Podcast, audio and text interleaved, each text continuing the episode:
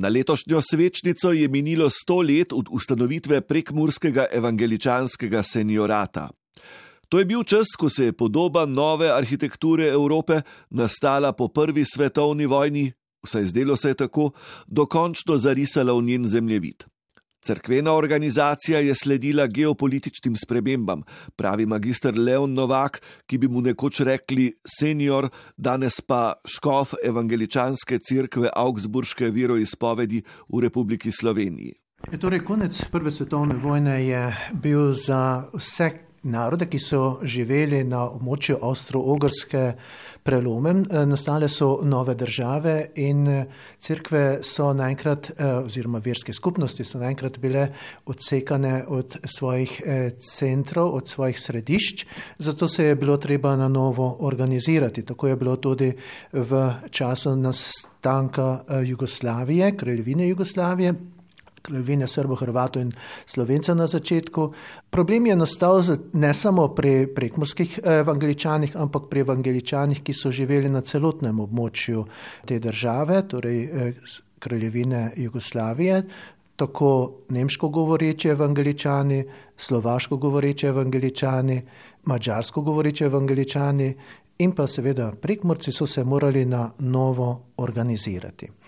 In eh, že leta 1919 eh, je Kovač Štefan dobil pooblastilo, da je bil strani mačarskega škofa imenovan za seniorja eh, takratne pokrajine Prekmorja in svojo Pravo vlogo pa je dobil leta 1922, ko je eh, nastal seniorat in je bil potem tudi uradno strani vernikov izvoljen kot senior. In na takrat naprej je Štefan Kovač vodil eh, to območje kot senior evangeličanov, ki so živeli tukaj na prekmorskem pomorskem območju.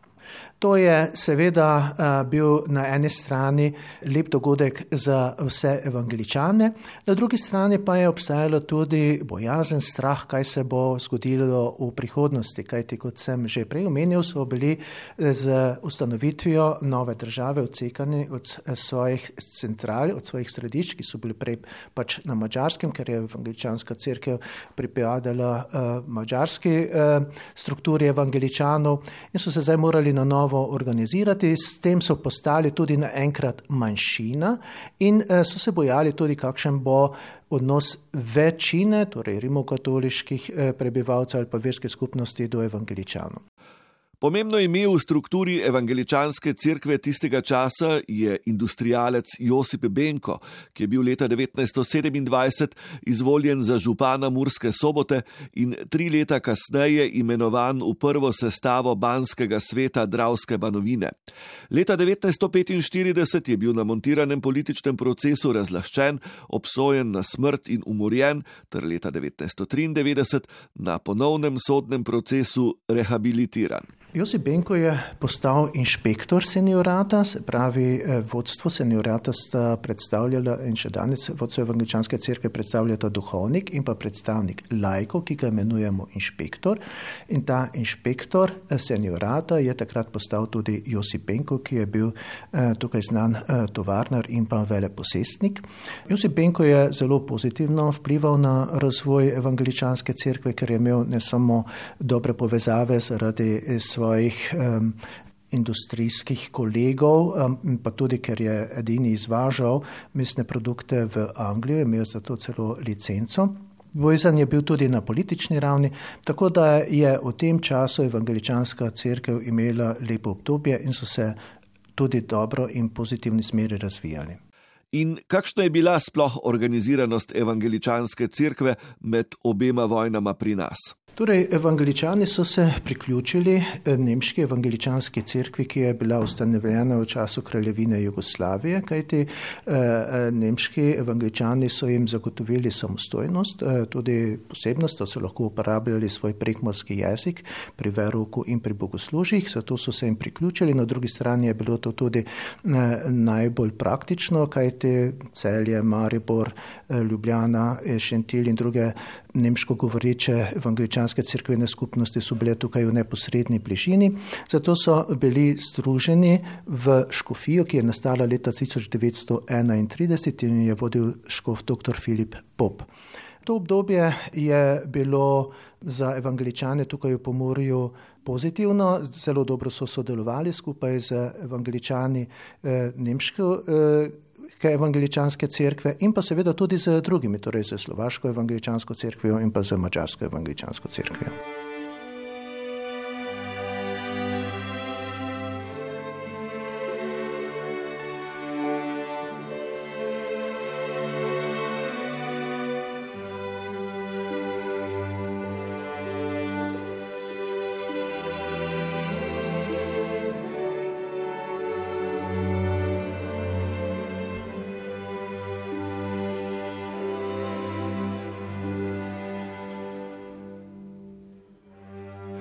Še dodaja škof magistr Leon Novak. Novi seniorat je pred stoletjem začel izdajati svoj mesečnik Diševni list, vsako leto tudi evangeličanski kalendar. Diševni list, predhodnik današnjega evangeličanskega lista, je bil skoraj vse čas tiskan v prekmurščini.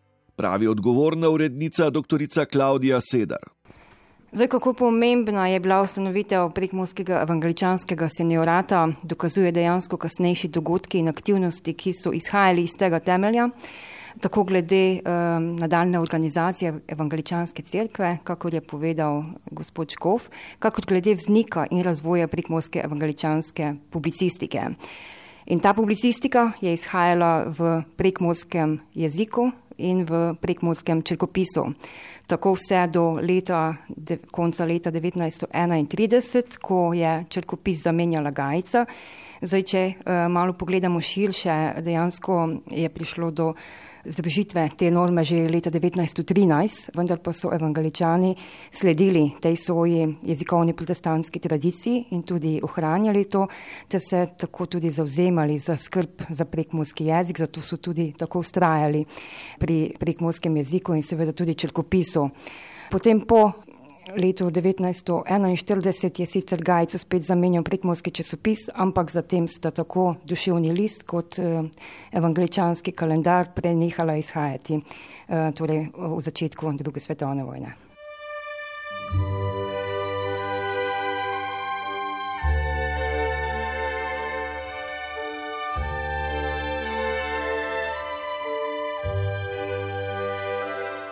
Ja, oba, tako mesečni kot koledar, sta imela uh, veliko versko, vzgojno in pa kulturno vlogo.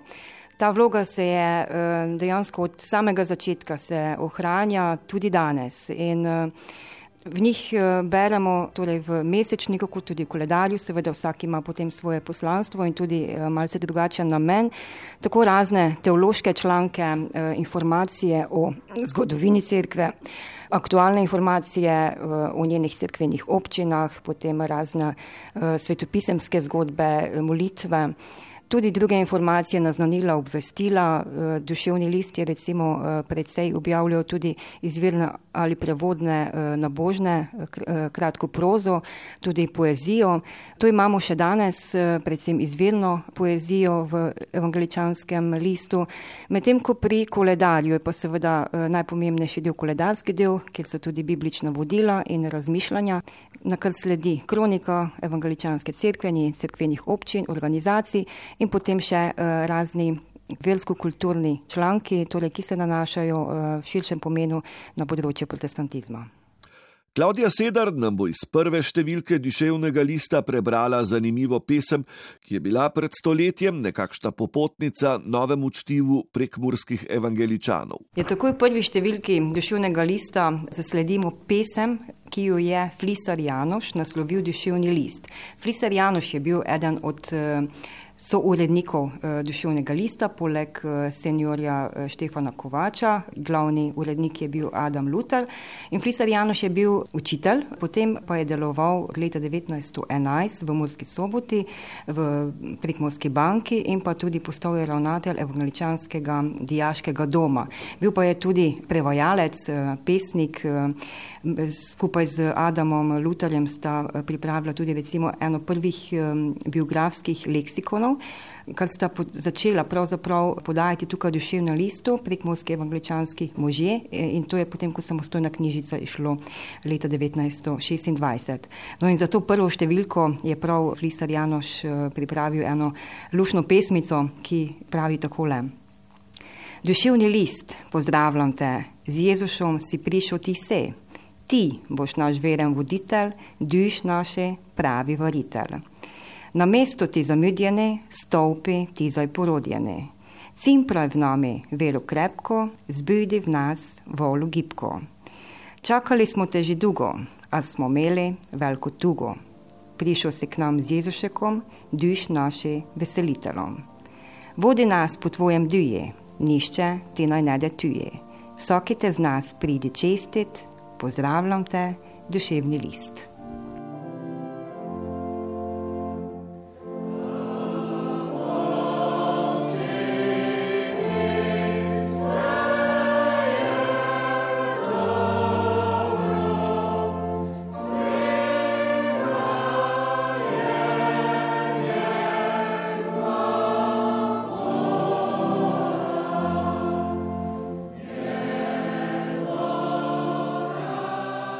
Danes je ohranjeni duševni list pomemben vir za proučevanje zgodovine ne le evangeličanske cerkve v Prekmurju. Ja, zagotovo je pomemben vir. Dejansko je prvič šel 20. decembra 1922 in to, da uh, bodo prekmorski evangeličani začeli izdajati svojo uh, lastno versko literaturo, so med drugim sprejeli 2. februarja 1922 na občnem zboru v Mosko-Soboški cerkvi. In um, po tej ustanovitvi seniorata je dejansko stekla tudi ta ideja, zamisel, ki je pa je bila prisotna že prej, pred ustanovitvijo, torej že začetku 20. stoletja so se začeli prekmorski evangeličani, duhovniki, glasneje pogovarjati o tem, da bi tudi sami imeli versko literaturo, vendar pa teda še niso imeli svoje organizacije, na katero bi se naslonili. Prav tako ne podpore, ki, kot bi si jo želeli, zato so morali počakati na ta pravi trenutek in ta je seveda nastopil z ustanovitvijo seniorata. So pa imeli tedaj že prvi koledar, ki je išel za leto 1920. Tega je pripravil in pa tudi izdal Moskosoboški duhovnik in pa tudi tedaj senior Štefan Kovač. Naslovil ga je Luther kalendari in to je dejansko ta prvi koledar, potem dve leti ni izhajal in potem je začel izdajati koledar eh, prekmorski seniorat in tudi duševni list. In ko je išel za leto 1923 eh, evangeličanski kalendar, je ta napovedal z obvestilom, seveda v koledarju, da pa v adventu lahko pričakujete prvi eh, mesečnik in tudi potem informacije, ki se da dobiti po duhovnikih in tako naprej. Tako da je potem redno izhajal mesečno z raznimi članki in Zdaj, ko prebiramo nazaj, iščemo kakšne informacije, tako glede zgodovine kot osebnosti, je to zagotovo najboljši in tudi primarni vir.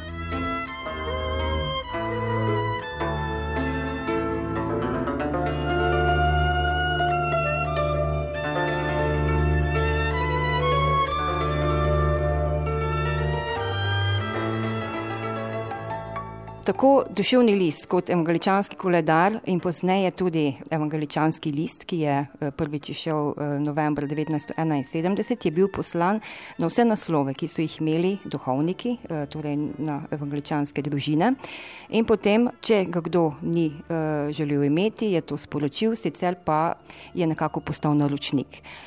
Naklado je težko reči za nazaj, ker ni, imamo podatka o tem zapisano ne v mesečniku in ne v koledarju. Je pa to zagotovo bila lepa številka, ena visoka številka, s katero so začeli. Eh, lahko pa spremljamo vse čas, da so pa imeli res za težave z neplačniki. Eh, tako da so vse skozi naprošali uredniki za poravnavo oziroma da poskušajo nekako priti skupaj, kajti le tako bodo lahko nadaljevali svojim mesečnim tiskom, kot tudi letnim. In, eh, Tudi to je bil eh, med drugim eden od razlogov, zakaj je duševni list prenehal izhajati, kajti uredniki so zelo jamrali, da eh, več ne zmorejo tega plačevati tiska in zato se je tudi potem združil z mađarskim verskim tiskom Harangzo. In še odlomek iz prvega evangeličanskega kalendarja, ki ga je izdal prekmurski evangeličanski seniorat. No, v evangeličanskem kalendarju za leto 1923, torej tega, ki je izdal eh, prekmurski evangeličanski seniorat, pa v začetku urednik takole zapiše. Urednik pa je bil prav tako Adam Lutar. Ob drugem pistimo na pot naš evangeličanski kalendar, ki je prek dve leti on naj prihajal k vam. To so zrekivale zadeve zvezdošnji, težki razmer shajajoče. Ali potrebščina za etakši kalendar je tako velika, da duže ne moremo v pokoji ostati, nego proti vsem težkočam smo ga dužni znovič vedati. Pozdravljamo vas, tako pali, drage naše evangeličanske familije in prosimo vas, spravite si naše kalendare, čtite ga, poslušajte, njeg bo vsako reč.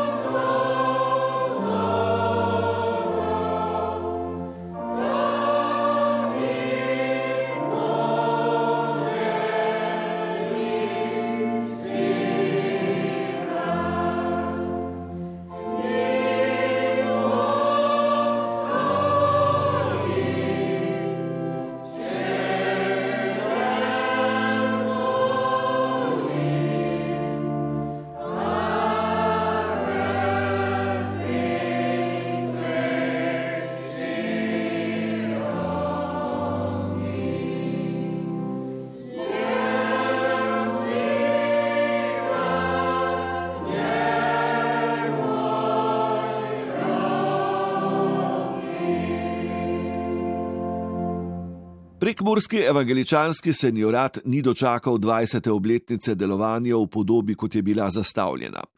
Začetek druge svetovne vojne in mačarska okupacija sta vnesla spremembe, pravi magistr Leon Novak. Druga svetovna vojna je prinesla spet nemir, ne samo v življenje crkvene skupnosti, ampak splošnega prebivalstva. Veliko mož je bilo rekrutiranih, morali so v vojno, kjer so izgubili tudi svoje življenje.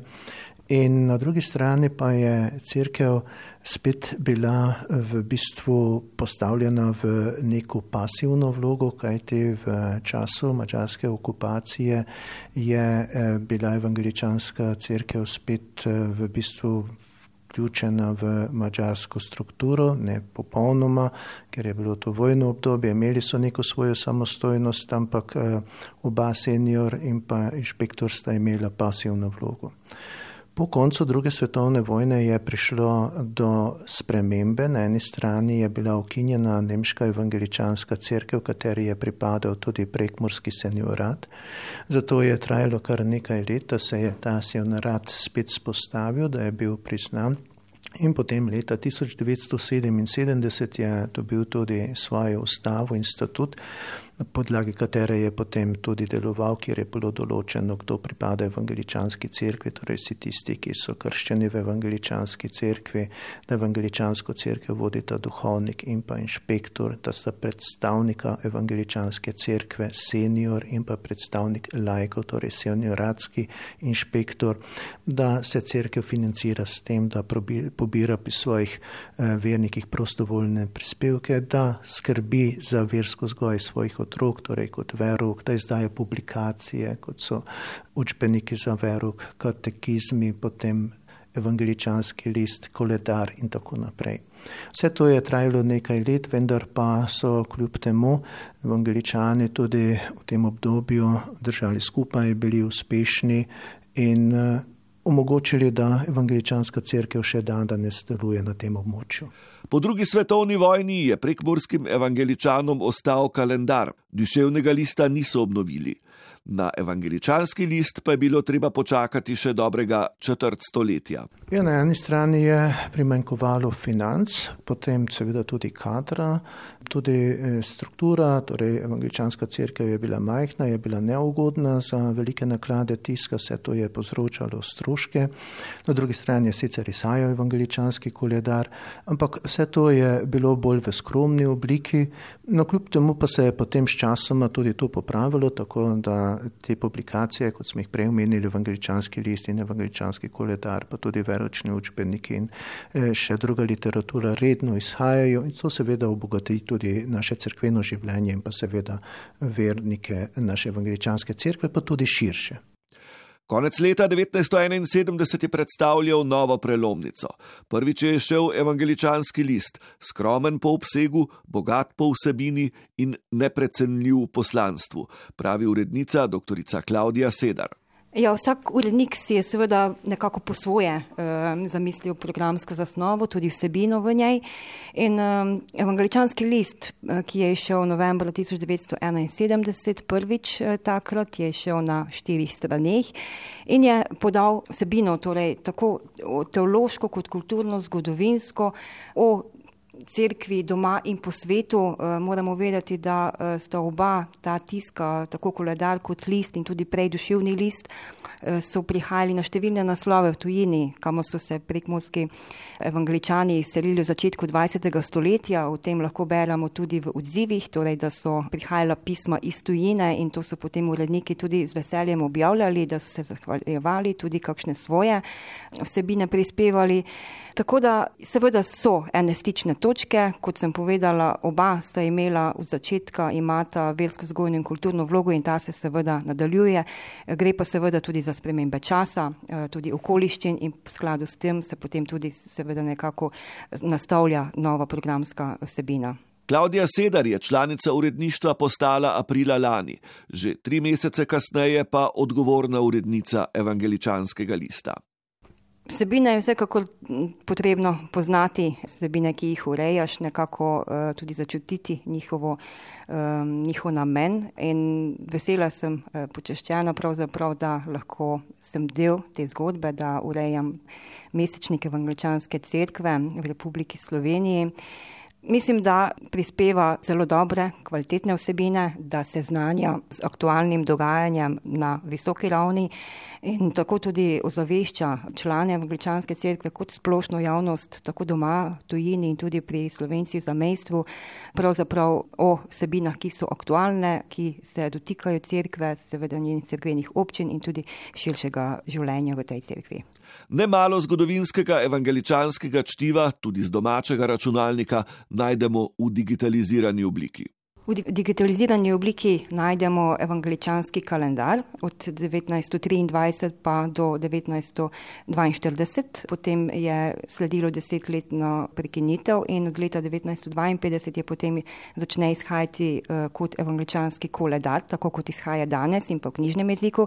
Tako da to prvo obdobje je digitalizirano na digitalni knjižnici Slovenije. Prvi koledar, Luther kalendari, ni še digitaliziran, smo pa v letu 2020 pripravili faksimile, kajti ta je zelo redko ohranjen, kot um, smo potem tudi ugotovili in je seveda en uh, spomin, pa tudi en uh, približek, kako je to vse, vse skupaj začelo. Evangeličanski list še ni digitaliziran, je pa duševni list digitaliziran prav tako na digitalni knjižnici Slovenije, se pravi od leta 1922 pa do 1941, ko je prenehal izhajati.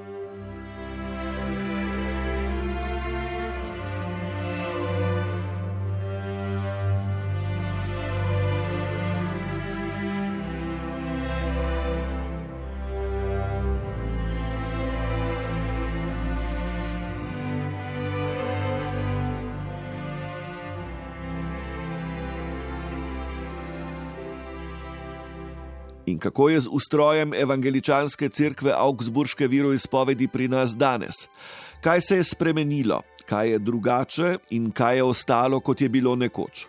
V bistvu je struktura ostala ista oziroma enaka eh, z novo ustavo in statutom evangeličanske cerkve, ki je bila izdana leta 2000, se je spremenil le še naziv seniorja Veškov. To je bilo bolj protokolarne narave, kajti na vladnih sprejemih ali pa pri diplomatskih sprejemih je bilo vedno vprašanje, kje lahko sedi evangeličanski senior poleg katoliškega škofa ali za njim. In ko se je v bistvu ta senior preimenoval v škofa, so se tudi ti problemi kar naenkrat rešili.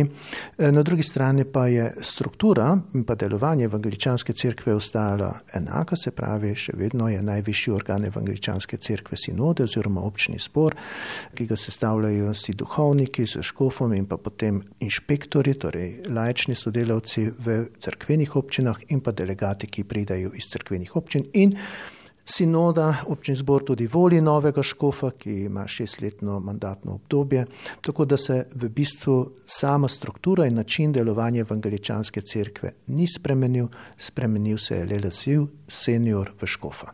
Še dodaja škof magistr Leon Novak.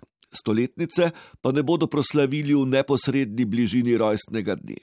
Počakali bodo na ugodnejši trenutek, ki gotovo pride. Želeli smo se to obletnico zaznamovati ravno že v mesecu februarju, vendar glede na epidemiološko stanje, v katerem se nahajamo, smo se odločili, da bomo to slovesnost prenesli mogoče v mesec juni ali pa v oktober, glede na stanje epidemije, s katerim se bomo soočili v teh mesecih, ker bi si radi želeli, da bi prišlo čim več ljudi, da bi se res lahko družili, da bi se osebno srečali in pogovarjali.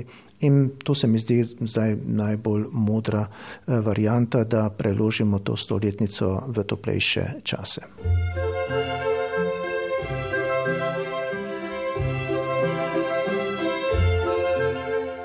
Ob zlatem jubileju so izdali prilogo evangeličanskega lista, namenoma v črno-belem tisku, ki spominja na začetek izhajanja. V njem je zbranih nekaj utrinkov iz preteklosti. Pomemben pa je tudi zapis, ki je v bistvu poklon vsem dosedanjim ustvarjalcem in urednikom. To so bili magistri Ludvik Jošar, Gustav Škalič, Vili Krčmar in Geza Erniša. Njihovo delo nadaljuje slovenistka in splošna jezikoslovka dr. Klaudija Sedar, ki je v svoji doktorski dizertaciji do dobra preučila kulturno podobo jugovzhodnega prekmurja v 17. in 18. stoletju.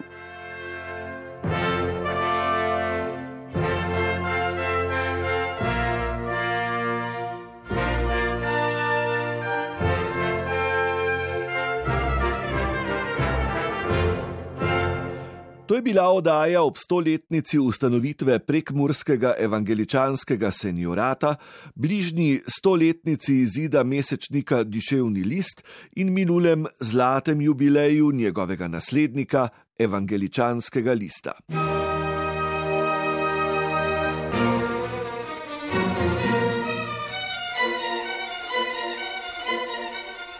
Sedmi dan.